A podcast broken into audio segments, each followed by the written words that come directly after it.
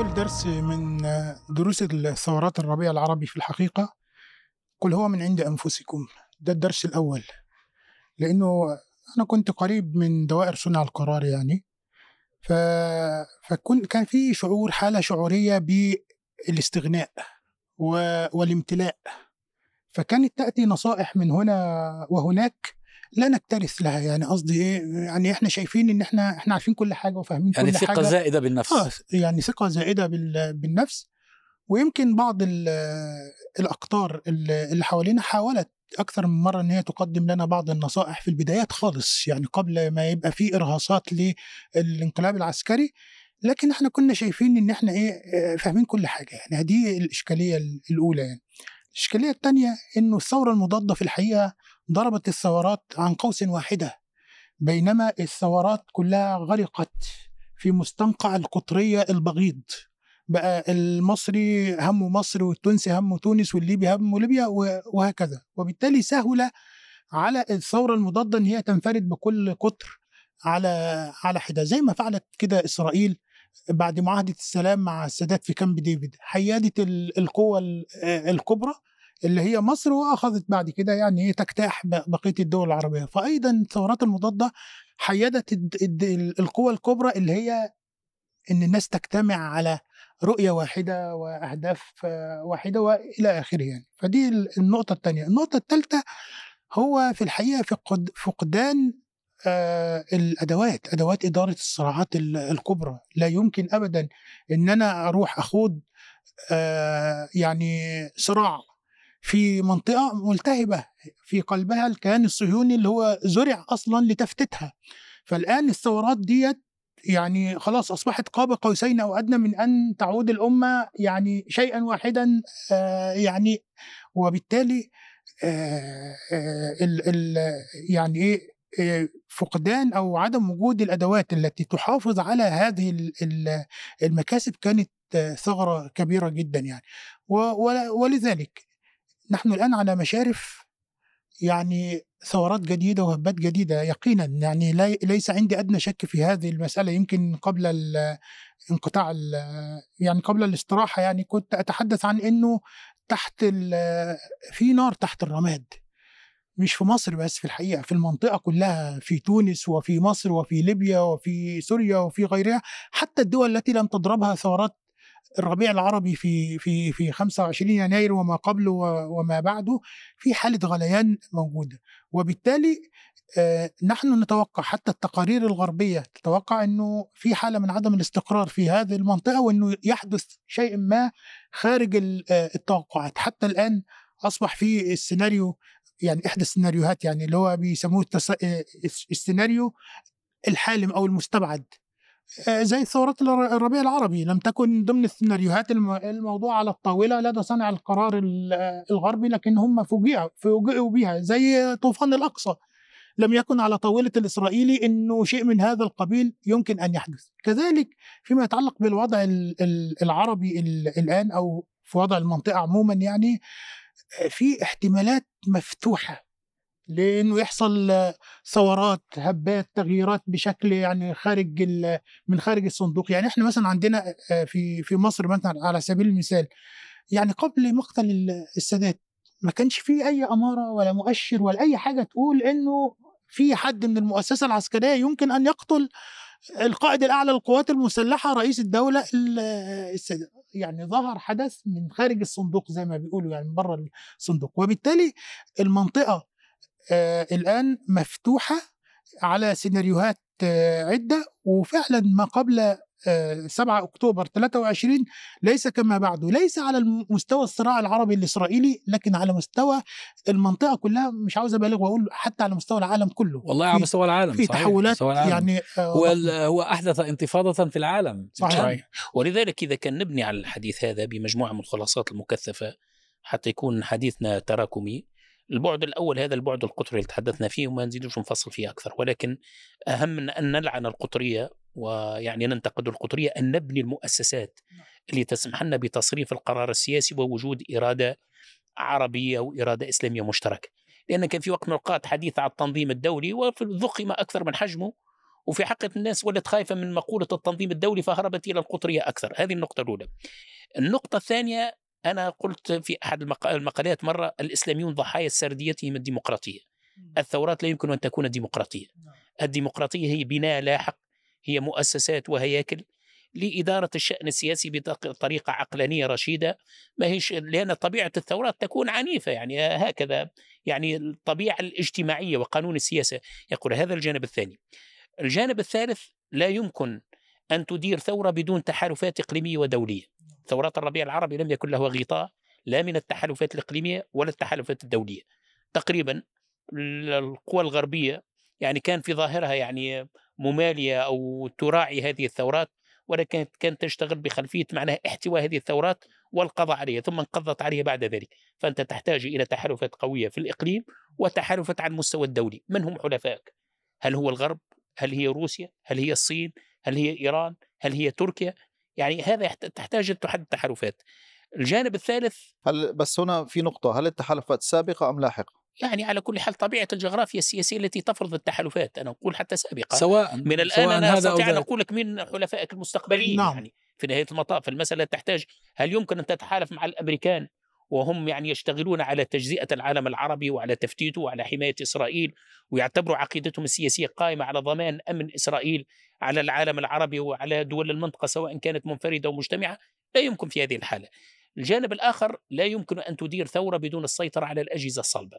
أحسن يعني بدون السيطرة على مراكز القرار والأجهزة الصلبة للدولة وخاصة جهاز الجيش وجهاز الأمن لا يمكن أن تكون هناك ثورة. يعني هذه ربما خلاصات عامة صحيح. ربما الإخوة ممكن تكون عندهم إضافات ممكن يعني. أنا أضيف نقطتين متعلقة بعد الحديث عن ال- الحالة القطرية الحالة الإسلامية عموما.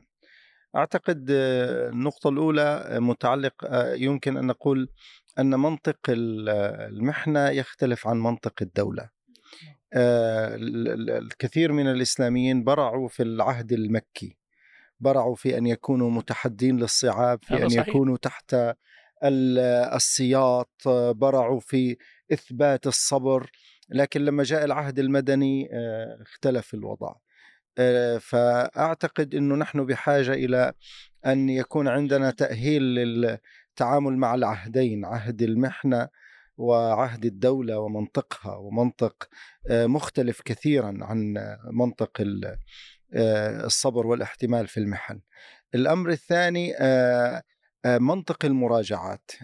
نحن بحاجة إلى مراجعات حقيقية وعندما نتكلم عن مراجعات لا نقصد بذلك مجرد جلسات عصف ذهني وتفكير آه، بصوت مرتفع.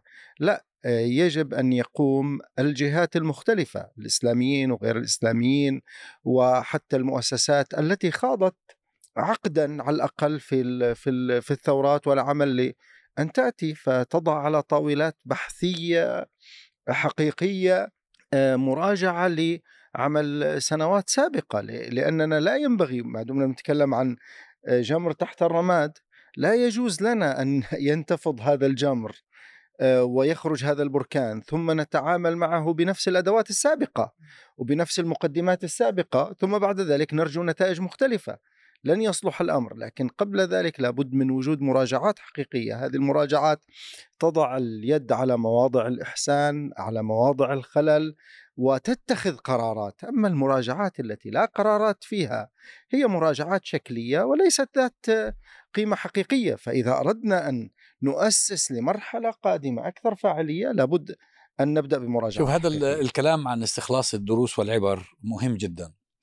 لكن هذا لا يعني آم، أن التجربة كان بإمكانها أن تفعل هذه الأمور في ذلك الوقت. نحن الآن ونحن نقيم نعرف أن هذه الأمور التي نقترحها لو توفرت لكانت حظوظ النجاح أوفر. لكن الحقيقة أن الثورات لما حصلت هي ثورات جاءت عفوية شعب ذات طبيعة شعبية. آه، التنظيمات والنخب والتكتلات السياسية لحقت بها أو أجبرت وخاصة في حالة الإخوان. الإخوان في, في معظم ال- الدول التي نتحدث عنها أجبروا على أن يكونوا في القيادة. الجماهير دفعت بهم إلى القيادة فكانوا يتعاملون مع الأحداث on ad hoc basis يعني آه، اولا بأول إيش بيحصل؟ ف- تأقلم. آه فالحقيقة إنه صح. يعني أنا قصدي حتى حتى لا نظلم آه، من خاضوا هذه التجربة. آه، ولا وحتى لا نظلم يعني نهضمهم آه، حقهم في التقدير. ورحم الله من قضى نحبه وفرج الله وفرج الله من عنهم جميعا. من في السجون. لكن هو جيد ان ان أن يجلس أمثالنا. آه، ليتدارسوا ويضعوا هذه أنا أنا لا أعتقد اننا أن لا أعتقد أننا نمارس الحكمة بأثر رجعي، هو ممارسة الحكمة بأثر رجعي غير محمودة، لكن هي نحن قراءة نتحدث هي قراءة نتحدث عن الحكمة لما هو قادم. صحيح صحيح تمام فنحن لا نتحدث عن ما مضى دروس وعبر آه يعني. ما مضى ما مضى آه ربنا عز وجل يتقبل من من من الناس ما قاموا به لا لا لكن هو, لا نحن هو لم يقصد منطق الجلد. لا لا لا. لابد أن أن ننظر إلى ما هو قادم. في النهاية عندما نريد أن نغير دائما التغيير لا يمكن أن يتم بالأدوات نفسها لا يعني مثلا ناخذ ناخذ على سبيل المثال قضية التحالفات. قضية التحالفات. الآن نحن نشعر بأهمية التحالفات فربما لو حصل شيء لو بده يحصل شيء لابد أن نشتغل على هذا الأمر. لكن في حينها أنت لو لو ترجع إلى عام 2010 أواخر 2010 عام 2011 تحالفات مع مين؟ فيعني كان من الصعب حتى أن يفكر المرء بالتحالفات في ذلك الوقت. أعتقد من الدروس المهمة أنه يجب أن يتخلى الإسلاميون عن يعني أعتقد صار عندهم ردة فعل تجاه ما يمكن أن يسمى بالعنف الذي وقع من بعض الجهات والشرائح إضافة إلى وصمهم الدائم بالعنف إلى أنهم أيضا ذهبوا إلى نعومة زائدة عن اللزوم. لابد أن يكون للحق مخلبا. لابد أن يكون له شيء من القوة التي يحمي بها نفسه. أما وجود أيضا أن أعتقد أنني أعيش في عالم مثالي ممكن أن يقبلني تحت شعارات الديمقراطية هذا شيء. هو الحقيقة فما زاد قوانين تو إحنا باش نتحدث عن التجربة التونسية لأن عايشتها أنا في حقيقة الأمر. فما قوانين الجغرافيا يعني. في نهاية المطاف لما سقطت التجربة في مصر أنا تقديري إحنا أقصى ما عملناه في تونس أن مددنا في العمر الافتراضي للثورة. كان مفترض فعلا تسقط التجربة اخرتم الحديث حقيقة لأن بلد صغير مثل تونس أو بلد متوسط الحجم غير المحيط من حولك. مصر اللي هي المركز الأساسي. يعني سقطت فيها الثورة. ليبيا انزلقت إلى حرب داخلية أو ثورة مضادة في حقيقة الأمر. جاء بحفتر وكذا خرب الثورة في ليبيا. سوريا انزلقت إلى حرب أهلية. اليمن سقطت فيها الثورة. أنت تجدف ضد التيار. أقصى ما عملناه من خلال التحالفات السياسية والتهدئة أن مددنا في العمر الافتراضي للثورة وبالتالي ما نشوفش أنا كانت المعادلة أكبر منا بالتأكيد في أخطاء بالتجربة تقيم. ولكن تقديري للمحيط السياسي تغير والصغير لا يستطيع أن يحل محل الكبير يعني. فتحت لي نقطة مهمة. أنا أعتقد إنه إحنا برضه في ظل التجربة السابقة لابد من ان نعلي فكره الأمة. وهذه الأمة لابد أن يدرك الجميع بانها هي أصلا الفائدة العامة وهي لا تتناقض ولا تتعارض مع الخصوصية الوطنية. هذا مسألة لازم تكون حاضرة. حتى لا نغير المعادلة التي رسخها مش الأنظمة خلال العشر سنوات الماضية من من بعد الحرب العالمية ودخول المنطق الدولة القومية.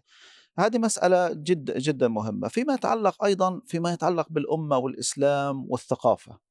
يعني إحنا اليوم نحن ننشد اليوم تغيير ننشد حريات ننشد تغيير مؤسسات دولة ننشد أن يكون لدينا نظام نظام محترم يراعي الشعوب.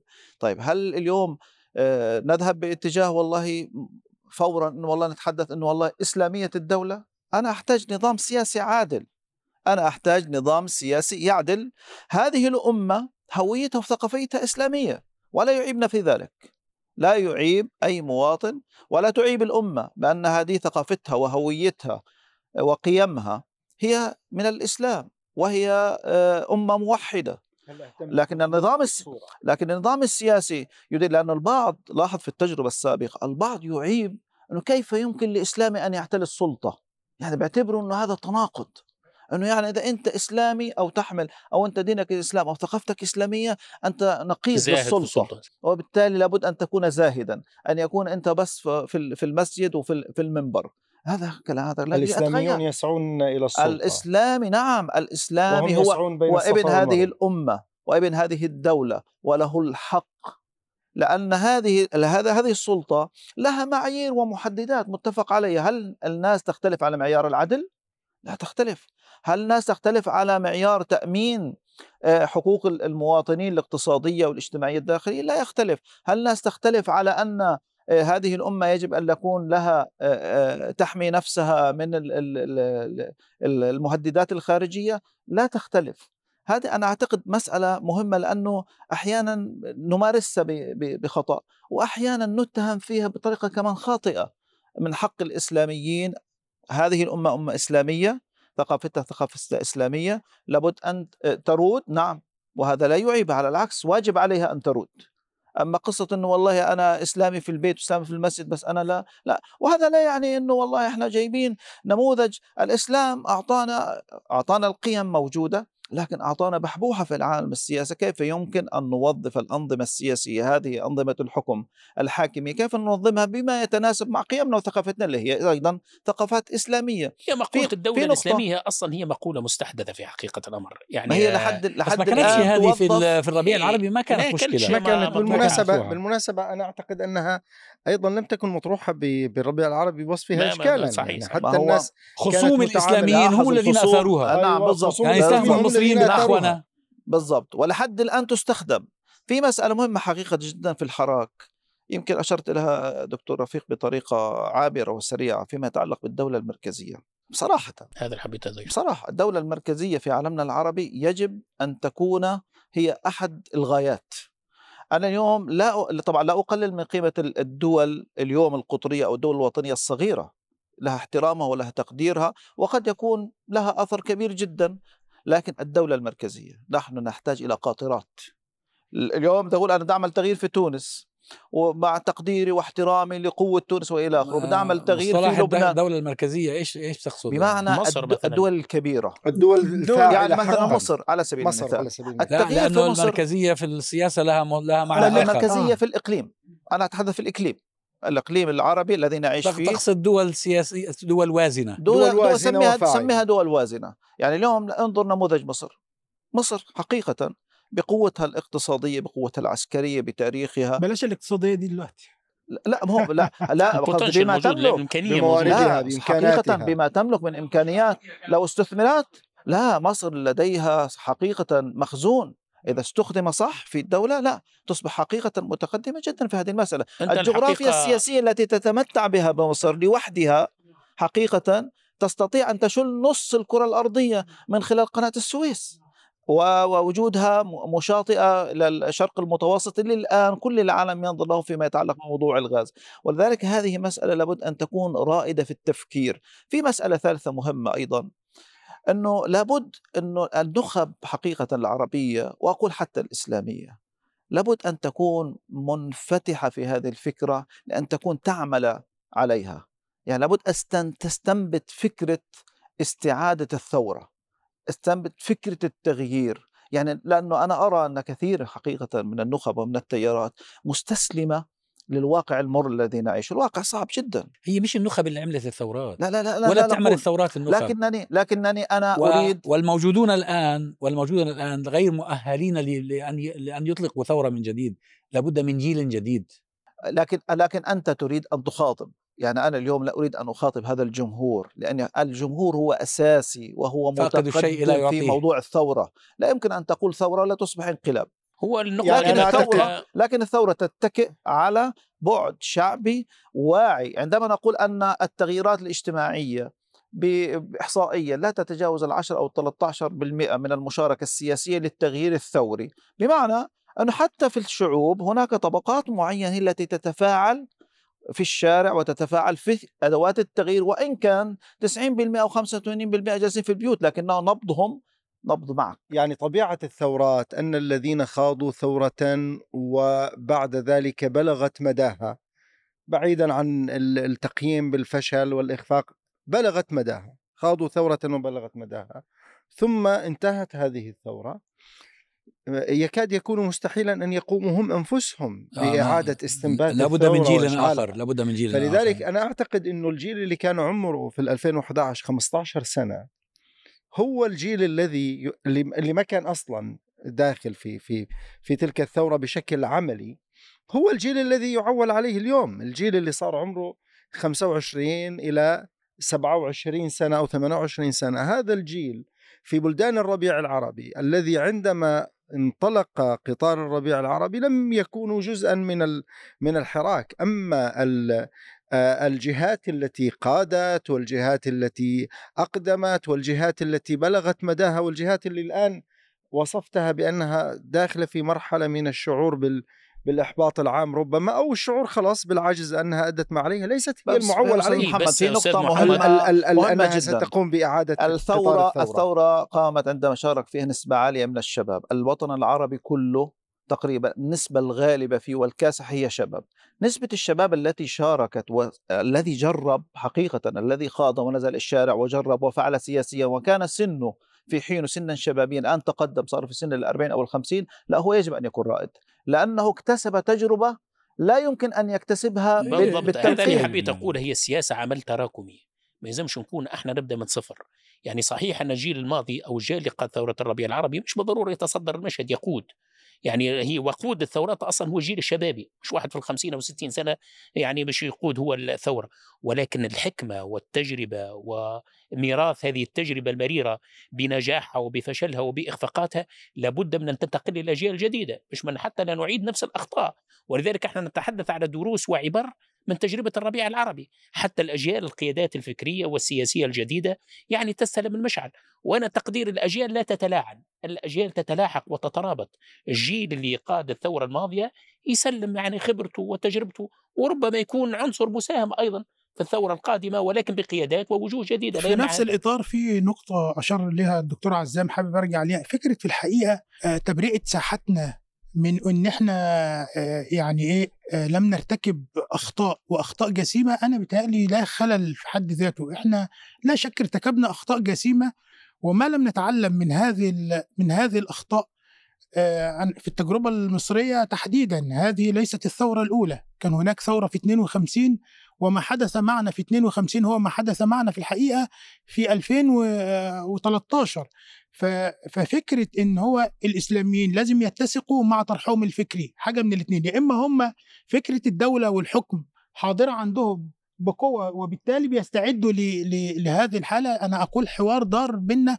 في سجون حسن مبارك في 2008 حول هل الإخوان فعلا جادين في مسألة الحكم؟ إذا أنت جاد فلازم تحضر أو تستعد لهذه المرحلة. نعم الثورات فاجأت الجميع. بس الحقيقة الإخوان كتنظيم وكحجم وكقدرات ما ينفعش اسويها بالتيارات الأخرى اللي هي الصغيرة اللي لا الإخوان وضعها مختلف. وبالتالي إذا أنت يعني في موضوع الحكم كان حاضر عندك في ذهنك إن أنت يوما ما ستصل إلى الحكم لازم تعمل لهذا اليوم. دعنا لا نبكي على اللبن المسكوب. خلاص إحنا الآن في مرحلة يعني جديدة. حتى لا نكرر 52 و2013 في 2025 ولا 2028 لأن أنت برضه ما استعدتش ما عملتش أي حاجة. أنا رأيي إنه إشكالية التيار الإسلامي وفي القلب منه في القلب منه ال ال الإخوان في الحقيقة حتى تاريخ الإخوان القديم كتب بعين واحدة لم يكتب بعينان. وإلا لكنا استفدنا من التجارب السابقة والإخفاقات التي حدثت في السابق